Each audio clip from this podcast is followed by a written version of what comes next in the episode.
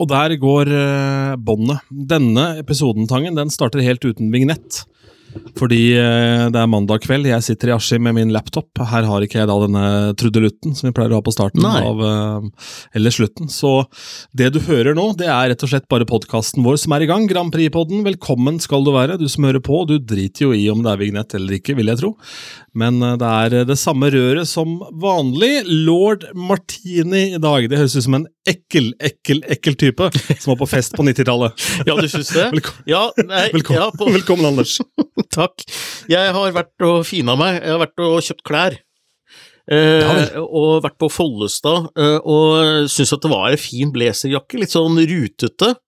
Eh, det er visst litt i motebildet, og jeg tenkte jeg har lyst på noe blazer som er litt annerledes enn andre, andre blazere jeg har hatt, og kosta jo en tusenlapper, og måtte legge den opp, og var litt sånn stolt og skulle ta den med meg hjem og vise den fram.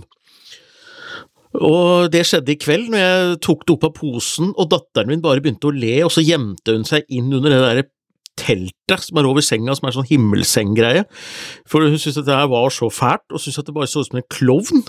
Og så tok jeg det med meg opp, og så skulle jeg vise fram til kjæresten min, og så sa jeg ja ja, nei, men du ble jo 20 år eldre, da, så nå mangler det bare en sånn børse og sånn jaktgreie til revejakta.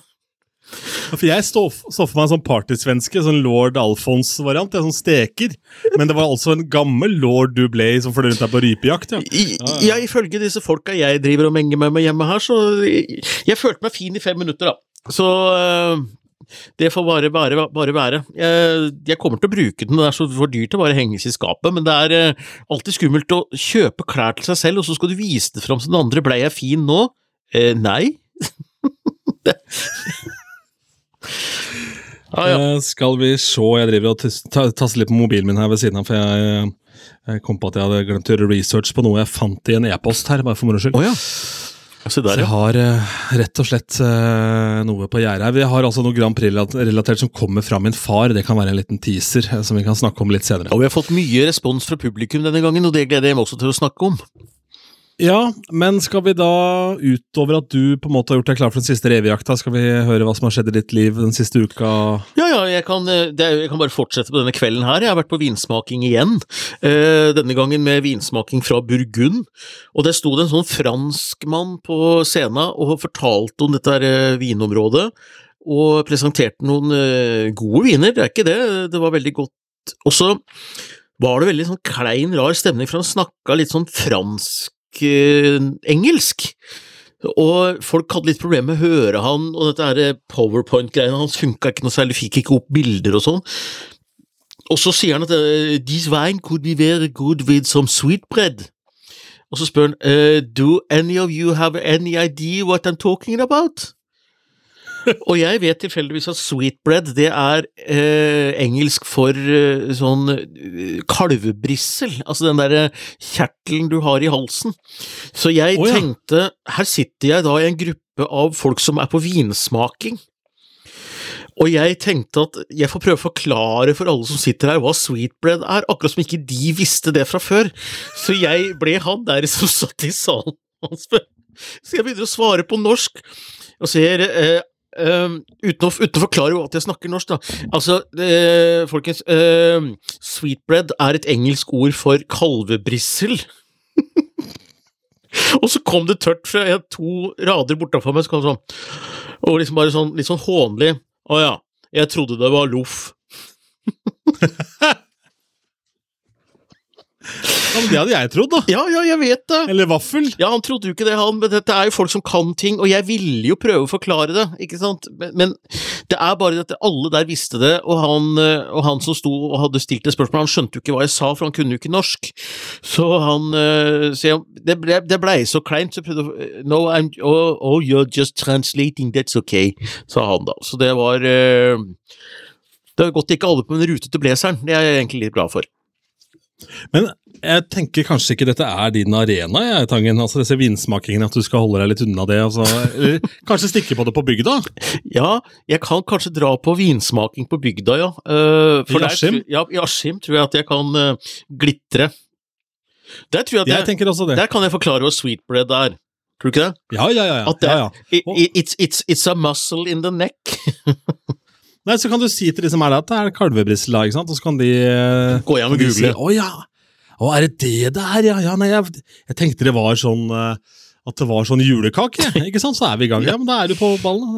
Bra, det. Ja, nei, men takk. Apropos være på, være på ballen. Min far har jo nå blitt tatt av en hel haug med algoritmer. Uff da, det er skummelt. Um, ja, eh, dette er på YouTube. Han ser jo litt musikk på YouTube, og så har han fått helt hangup på en forholdsvis Den er jo ikke veldig ny låt, egentlig, for det er jo en uh, eldgammel countrylåt av uh, en fyr som heter David Allen Coe opprinnelig, med denne Tennessee Whiskey Ja, ja. med Chris Stapleton.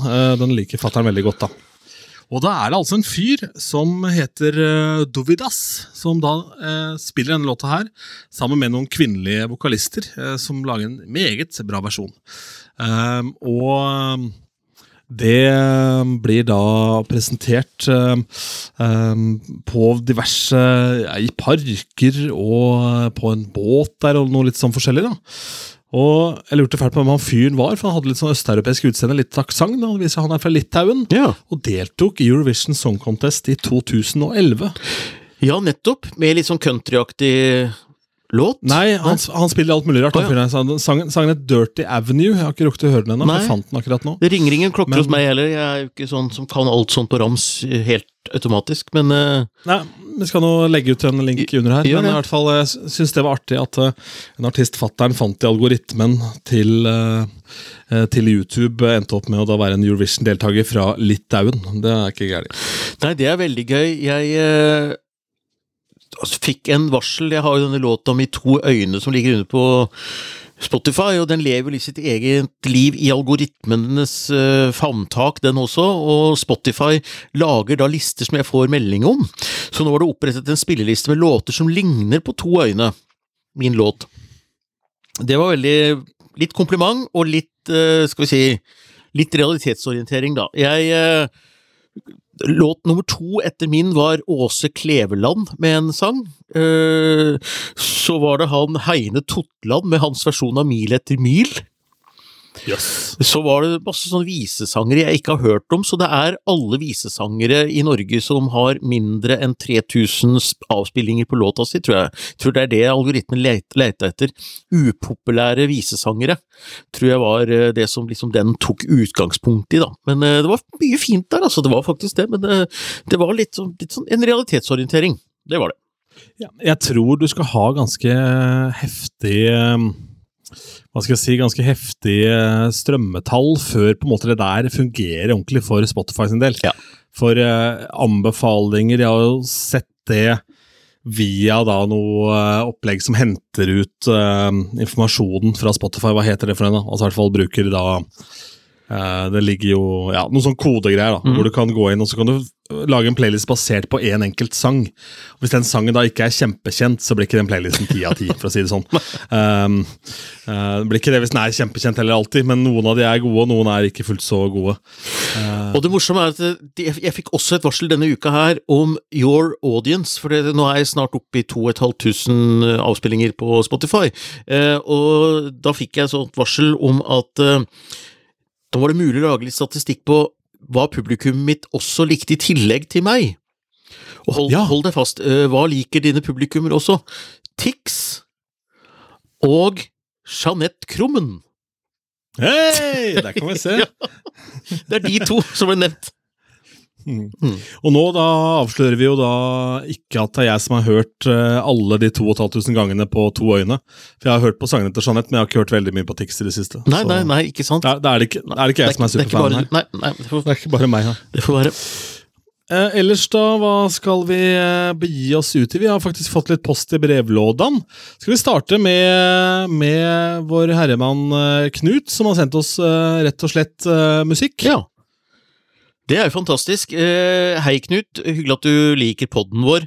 Eh, jeg kjenner meg så godt igjen i deg. Eh, du har lagd en låt som jeg ikke har navnet på foran meg nå, som du har sendt til oss, og som du var for seint ute med å sende inn til fristen. Det er jo ganske ergerlig, men nå er det jo en mulighet for å få den med hvis låta blir anerkjent ute blant publikum på en måte allikevel, så kan Stig, eh, Stig plukke den. Uh, så du ja, Det spørs vel, spørs vel om toget går i disse dager, for den skal Ja. ikke ut før den 27. oktober, skjønner du den låta? her? Nei, så det, jeg, jeg tror det faktisk er i seineste laget for det også, for det sa jo Stig i podkasten vår, at eh, det er noen uker fra da vi hadde han her, det var vel rundt i midten av september, at det var liksom bare noen uker.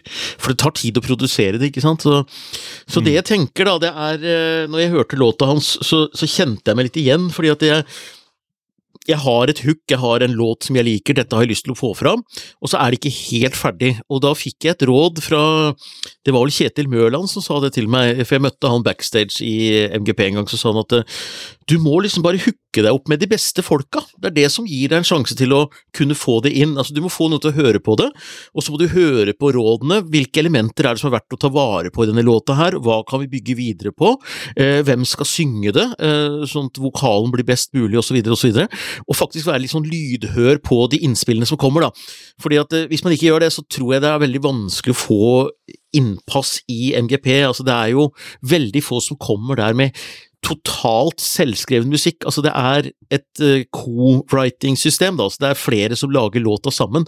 Men et utgangspunkt tenker jeg at dette her uh, kan være med et hook, for jeg, jeg, det refrenget festa seg. Det var et eller annet der som jeg tenkte at dette kan være noe å bygge videre på med en dyktig produsent, men at det ikke er helt ferdig. Sånn som det tok 56 år før jeg var ferdig med en låt, så ja.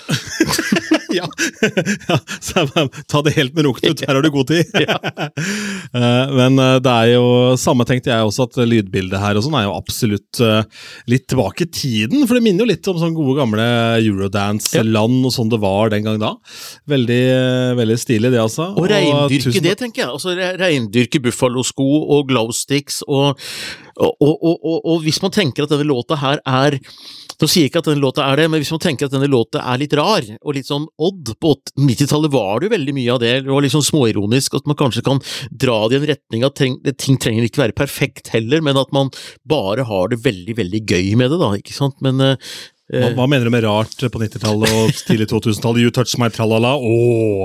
Altså, det var jo sånn det skulle være, da. Det var veldig seriøst, alt sammen på 90-tallet. Det, var- det var veldig morsomt på Stjernekamp nå, uh, syns jeg, hvor det var eh, hiphop, hvor jeg plutselig fikk litt sånn forståelse for hiphop-sjangeren, og likheten mellom hiphop og visa.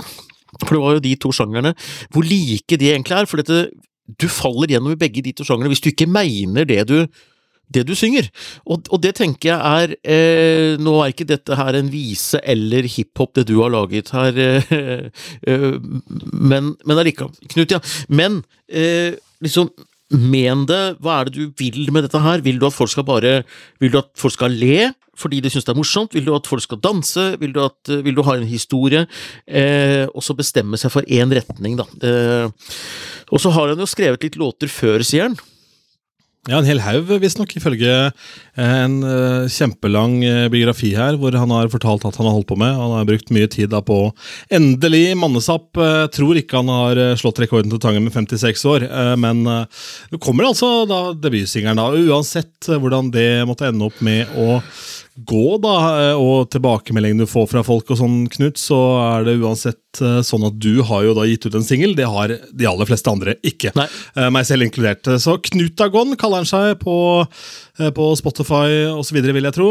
Dancing Dragon heter låta, kommer den 27. oktober. Spennende.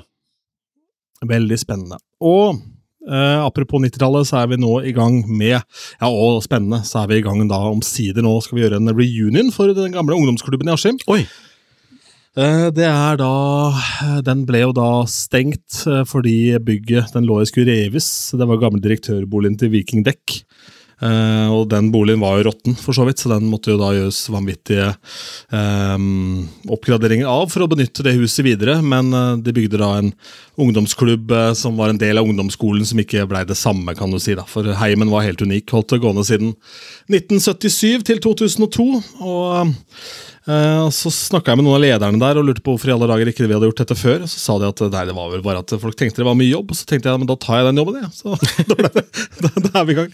Og det er, eh, det er utrolig gøy og ekstremt krevende, for det er jo en cutoff på år 2002. Eh, og da Jeg tenker jo ikke sånn når jeg vanligvis jobber. ikke sant? Jeg tenker at å, den låta her, så er du perfekt med neste låt. Men hvis jeg spiller da en fra 2004, så kommer det garantert en fyr som påpeker det. Uh, og det orker jeg ikke. Oh, jeg så jeg skal, ja, ja, sånn at det, det, Ja. det er en sånn helt klar limit på Ja, det er reunion med musikk fra den perioden. nettopp. ikke sant? Uh, da blir det 90-tallet som blir hoved, hovedtyngden der. Siden sist har jeg også lest en bok. Hvem hadde trodd at man skulle ligge våken til klokken tre om natten for å lese en bok om Radio Neros historie på Romerike? Nei, altså Jeg er jo imponert over to ting. jeg. Det ene er at uh, det er gitt ut en bok om det, syns jeg er helt fantastisk. Og det andre er at du leser bøker. Altså Ja, det gjør jeg, da. Jo, jo, jo, jo, jo. Men, men, men jeg gjør i veldig liten grad det. For jeg, jeg hører så mye på podkaster og scroller og leser at, at jeg, jeg, jeg savner det å bare sette meg ned med å lese en bok. Eh, Det må jeg si. Så gratulerer. Bra jobba.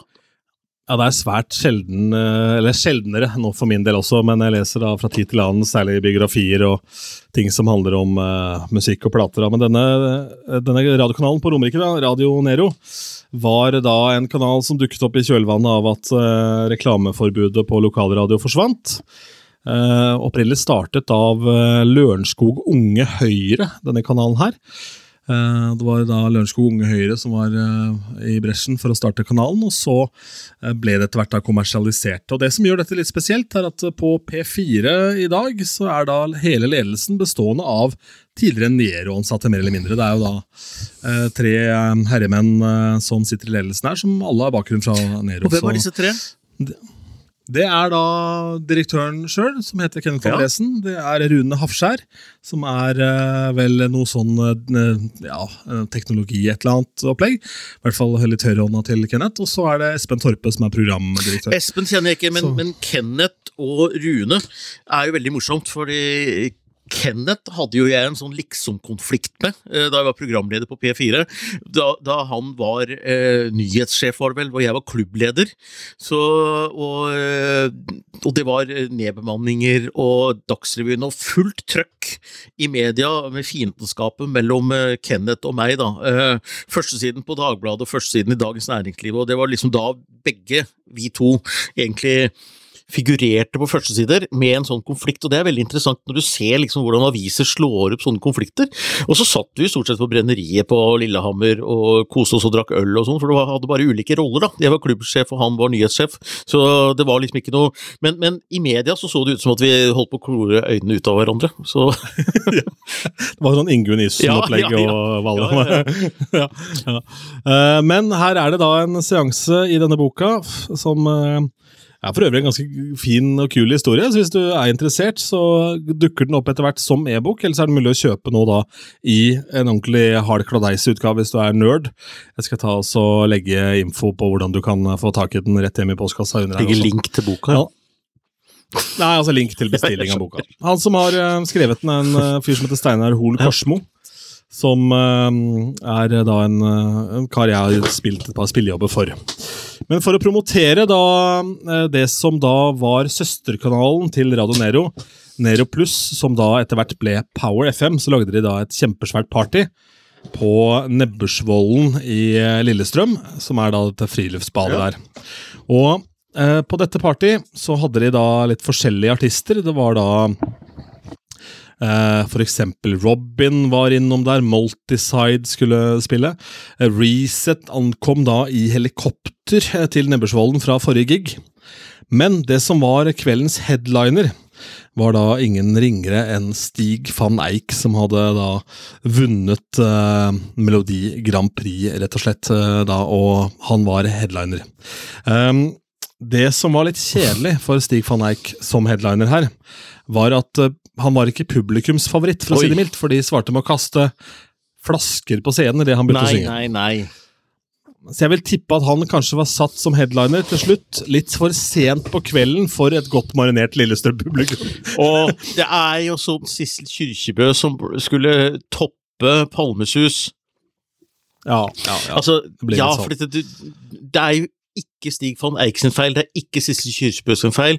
Hvem sin feil det er, det vet jeg ikke, men det, men det er bare en feilbooking, da. Uh, av annen verden. Og det Jeg har eh, jeg opplevde før en del ganger hvor jeg har reist rundt som komiker og underholder og sånn, uh, hvor du ikke skjønner at du du må nesten prøve å møte publikum som er så noenlunde på samme alder som deg, og det er egentlig helt greit, for du har jo med deg et slags publikum videre, men hvis du hele tida prøver å få med deg de som er veldig mye yngre enn deg som komiker, så begynner du på et eller annet tidspunkt, de fleste, å slite litt med referanser, og, og, du merker det ikke, det er litt som å ha en gammel dress, fordi at uh, dressen ser fin ut, den er kjempefin, den, dressen funker, kjempe, det er kjempefin, men så plutselig, uten at du egentlig har merka det, så er de slaga blitt litt for breie, buksa har blitt litt for uh, vid, du, du, vet ikke, men plutselig så har du blitt han som har litt for rar dress, og, og, det skjer ikke fra en dag til en annen, men det er litt viktig å være klar over de der signalene der, og det er sånn der komiker, uh, jeg sier alltid nei hvis jeg blir spurt om du, uh, det er noen sånn 20-åringer, håndverkere, de trenger en toastmaster, nei, det, det, det er ikke noe vits i. Ja, det er ikke du, er ikke du mannen. Og det, det, som garantert har skjedd her, da, eh, sånn helt overbevist om at det er det som er tilfellet, er at her stiller jo artisten opp gratis for promo, eh, mest trolig. Og så har da Stig van Eijk sitt management eller noen i plateselskapet insistert på at han skal avslutte, i og med at han er Grand Prix-vinneren, eh, osv. Det er jeg nesten sikker på at det er det som er tilfellet. Og så blir det veldig vondt da for eh, Stig. da. Hvis vi prater med han i poden her en gang, så tenkte jeg å høre om den seansen her. Jeg, tror men, eh, Stig har, eh, etter å ha fått seg familie og vært med i MGP en gang til og blitt reggae-artist og sånn, jeg tror han tar dette med knusende ro og, og, ja. og tenker tilbake på den tida der som en livserfaring, og har det moro med det nå. Det håper jeg i hvert fall. Jeg tror det. Absolutt. Det, det, tror jeg eh, også. Skal vi da bevege oss eh, inn i eh, en ny e-post? Det er hyggelig å få post i brevlådene. Vår e-postadresse er jo da heiatgrandprixpod.no hvis du har noe på hjertet, for øvrig. Det er Patrick Stubberud som har sendt oss en e-post. Ja. Og Patrick Stubberud, jeg husker ikke helt ordlyden, men han har lyst til at vi skal snakke litt om dette her med Har Eurovision blitt for dyrt? Og har det blitt for vanskelig å skaffe seg billett til Eurovision? Og jeg skjønner spørsmålet veldig, veldig godt, fordi at uh, i fjor Jeg har, jeg har mailen ja, her, så kan jeg kan ta du se sånn. noen formuleringer derfra. hvis du... Ja. Jeg har ESC blitt for dyrt. Bare samme dag som Malmö ble lekket, så var prisene på hotellene 10 og 20 000 kroner per natt. Og kanskje mer. Eh, og, og, så kommer billettene til show på alt fra da 1000 til 5000 kroner. Ofte kommer reisen oppå det, og så må man da være der hele uka. Så det blir fort opp mot 100 000 for å oppleve alt, skriver da Patrick. Mm. Uh, og Selv så har han bestilt hotell i København, det var det ditt uh, triks, uh, Tangen. Mm. så han klarer seg denne gangen. Ja, ikke si det, altså nå er det jo 1,6 kroner der også. det kommer an på hvor mye hakkebøff og øl du skal ha, Patrick.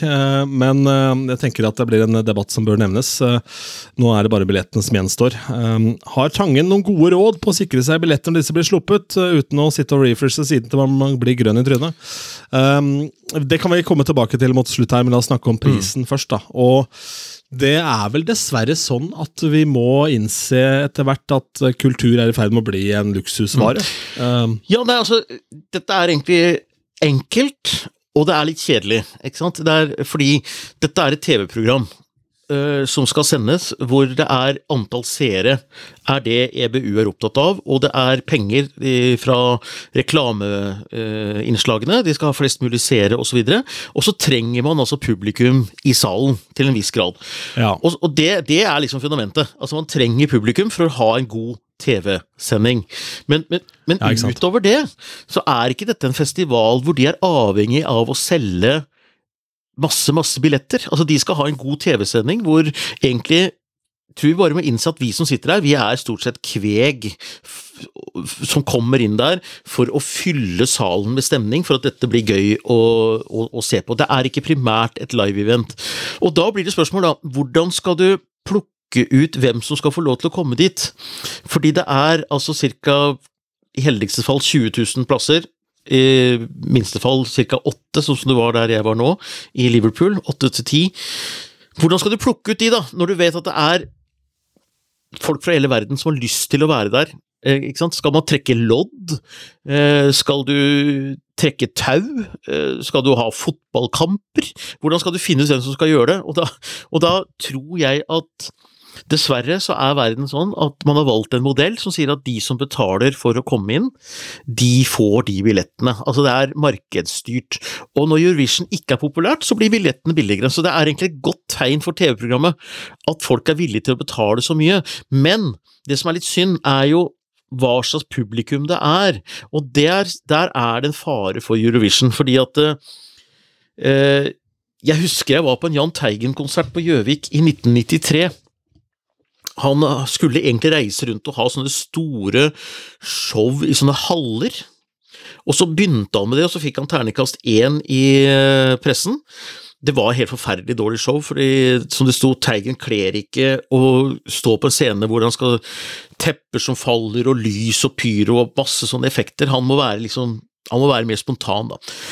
Og da nedskalerte han hele showet sitt, så lagde han et nattklubbshow som fikk terningkast seks.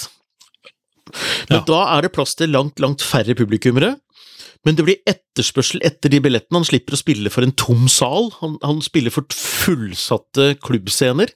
Men så var jeg på Gjøvik, og der var det nesten ikke plass foran scenen, for der satt noen av byens mest rike folk. De hadde liksom betalt ekstra for å sitte rett foran scenen. Eh, så der ble også stemningen rar, fordi at vi andre måtte stå bak noen sånne gjerder. Men den som rydda opp i det, var jo Jahn Teigen. For han kom ut og skjønte ikke hva, hva er dette her for noe. Sitter, han, det fikk jo bare tyd, liksom. Hvem er det som sitter på de bordene? Skal det bare sitte Skal, skal eh, kan, dere ikke, kan, kan, ikke dere gå, eller kan dere ikke stå, eller hva liksom, er det, er det handikap-inngangen der? Altså, han bare kjørte på med sånn, da. Og til slutt så bare åpna de alt sammen, og da kom jo stemningen på plass igjen, ikke sant? Så, vi, ja. så hvis Eurovision blir for eksklusiv eh, noe som er så ekstremt folkelig som Eurovision, men det er bare de som har god råd som har råd til å komme, så kommer de i en skvis. Så jeg vil jo ønske meg at EBU lager noen direktiver på at det ikke er bare pris som skal avgjøre, da. Eh, at det er noe ansiennitet i klubber og engasjement, og at noen invitasjoner til folk fra de landene som er der, sånn som de gjorde nå i år, at ukrainerne ukrainske flyktninger fikk komme til under halv pris, ikke sant, eller mye mindre enn det òg, bare for at de skulle få lov til å være der, da. Men uh, dette løses jo Eller jeg vet ikke med siste Springsteen-turneen, men uh, i hvert fall uh, min favorittartist Tom Petty, da de turnerte USA særlig, og Springsteen vet jeg også har gjort det, Bob Seeger det samme. Day Matthews Band de har jo løst dette ved at de billigste billettene Altså De billettene på bakerste rad på en måte, de er rimelige, de skal alle kunne ha råd til. Fordi det er så mye herr og fru Amerika som, eh, som er fans. Eh, og så er det svindyrt å være på første, og andre og tredje rad. Eh, men da er det igjen sant, en konsertarena som tar 25 000 mennesker. Når jeg så Tom Petty i Virginia på Jiffy Lube Live, så gikk det over en jordvoll, og så var det et amfi som tok 25 000. Ja. Uh, som er brukt hele sommeren. ikke sant? Og Da er ikke det noe problem, men du kan ikke lage TV-show ut av et amfi som tar 25 000. Så her er det en skvis med det du ser på, er en TV-produksjon. Uh, så ja, det er rett og slett mange veier som da taler imot at billettene skal bli noe billigere. Ja, så, så for, det tror jeg er liksom det første man må innse, er at Eurovision er et TV-program. Altså Det er liksom det første man må innse. Men så er det dette her, eh, hva vil man egentlig oppleve ved å reise til Eurovision? Fordi det er Euroclub, det er liveshow, det er stemning i gatene, det er eh, generalprøver som er fullsatte, det er delfinaler hvor det er mye lettere å få billetter. Så Trenger man egentlig å kjøpe billetter til alt, og må man være der hele uka? Eh, nå nærmer vi oss det han spør om et godt råd, da, og, jeg har jo noen ganger kjøpt billett til den semien Norge er med i, og det har aldri vært noe problem, det har kosta kanskje en 1500 kroner, da, i nåværende kroner, sånn cirka. Eh, og så eh, er du litt kreativ på overnatting, eh, for det, det finnes muligheter. Pst, pst, kirkeasyl. Pst, pst. Ja. Ja. Stjel egg. Stjel egg. Ja. Det er ekstremt billig, da. Å stjele mat fra sånn sjømannskirke.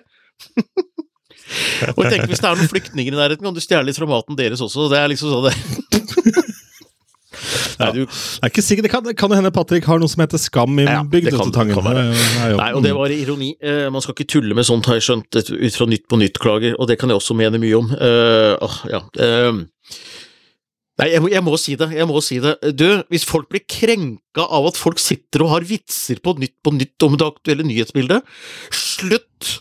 Se på noe annet. Komikere har én jobb, og det er å få oss til å le av den faenskapen som er i verden, og det gjør jeg i et satireprogram, så ikke send klager til Kringkastingsrådet fordi du er krass og morsom i Nytt på Nytt. Ferdig. Det er jo det disse folka her driver med, det er jo hobbyen deres, for faen. Så må jeg bare Uh, kan ikke ta fra de det, det, det, det de lever av, jeg på å si. Altså det de lever for. Uh, det er det som er stas. Denne episoden den uh, nærmer seg veldig kjapt slutten her. og Grunnen til det er at jeg er hjemme hos min far, mm. som skal tidlig på jobb i morgen. Jeg har okkupert hans hjemmekontor, som da er vegg i vegg med hans soverom. som skal få gå og legge seg Men det låt bra denne gangen. Men ja, vi har eh, flytta rundt på litt ting og sånn, uh, for vi kunne ikke ha en sånn routergate Rutergate som vi hadde forrige. Men for å avslutte dette her med denne billettene, han spurte om et godt råd.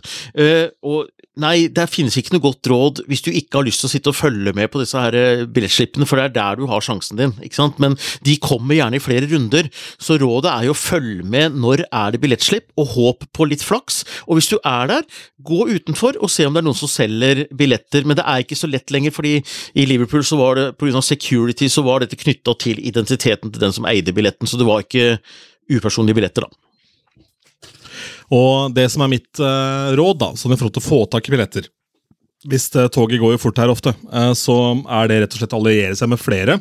og så har dere en gruppesamtale via typ FaceTime eller et eller annet, eller en gruppechat gående, hvor dere oppdaterer på hvorvidt dere er her eller her i køen, om du er igjennom, ikke sant. Og så holder man sine billetter, hvis man har to som har, så holder man de fram til én er igjennom betaling. Ja, sånn. Og da slipper man de billettene. Mm. Det er eh, det vi gjør på ting som vi er eh, ekstremt interessert i å få med oss, da, som, hvor salget går veldig fort. Har jeg snakka om Kaizers her? Det har vi kanskje Nei, ikke? men jeg har hørt at de har fått sinnssykt bra eh, anmeldelser, og at hvis man skal ha Kaizers live, så må man se det nå. Ja, to timer og 15 minutter leverte de på Sentrum Scene med en Det var altså så deilig, det var ikke noe pyro og tull og sånn, og alt av ball alt av baluba de hadde med. Ja, men Det var ei heller storskjermer eller noe sånn, eh, sånn type grafikk. ingenting sånt. Alt av baluba ble brukt da, som instrumenter, ikke sant? med disse her eh, oljefatene og sånn. Det var jo for så vidt gøy, men det var så classy og kult, det settet de hadde bygd opp. Og de kan jo selvfølgelig gjøre det fordi de skal gjøre så mange show. Så jeg hadde laget en scenerigg som så litt ut som et sånt studio Eh, det var litt sånn mahognipreg over Riseren istedenfor at det var liksom svart og industrielt. Yes. så var det, det var ordentlig kult og fint, og litt sånn bua trosserigg med noen meget effektive lamper der, og et uh, jævlig bra show. Det var rett og slett uh, kjempegod underholdning. Jeg så det den onsdagen uh, i uka som var. Men jeg som ikke skjønner er, noen ting av Kaiser, så syns at det bare er masete og utrolig nedrig og irriterende. Vil jeg kunne ha glede av å være der? Det tror jeg faktisk at du hadde tenkt at eh, For Erik også, han som driver butikken min, han var jo så på, han hadde ikke noe forhold til Kaizers i det hele tatt, bare hjerteknuser. Ja. Og han bare Dette var et bra liveshow. Dette var et nei, for, vanvittig uh... Nei, for det, Jeg, jeg syns alltid det er spennende, for jeg gidder ikke å være en sånn fyr som har bare bestemt for at noe er dårlig uten å sjekke det ut. Så det er derfor jeg spør, for jeg, jeg, har egentlig aldri fått knekt den koden, men når det er et så stort fenomen, så vil jeg jo gjerne prøve å finne, finne ut av uh, hvor det har gått gærent med meg, ikke med dem. Ja, nå trodde jeg du skulle si jeg vil finne ut om det er jeg som er rar, og det trenger du ikke å finne ut av, for det vet vi jo, Anders. ja, ja, ja, ja. Men det er lov å prøve å bli litt mainstream, f.eks. å like Kaizers. Ja, absolutt. Herlig. Vi sier takk for følget for denne gang. Husk da e-posten hei at grandpripod.no. Nå hører ikke jeg hva du sier, jeg mista plutselig en, lyden fra deg, men det er vel kanskje et tegn på at det er slutt, da?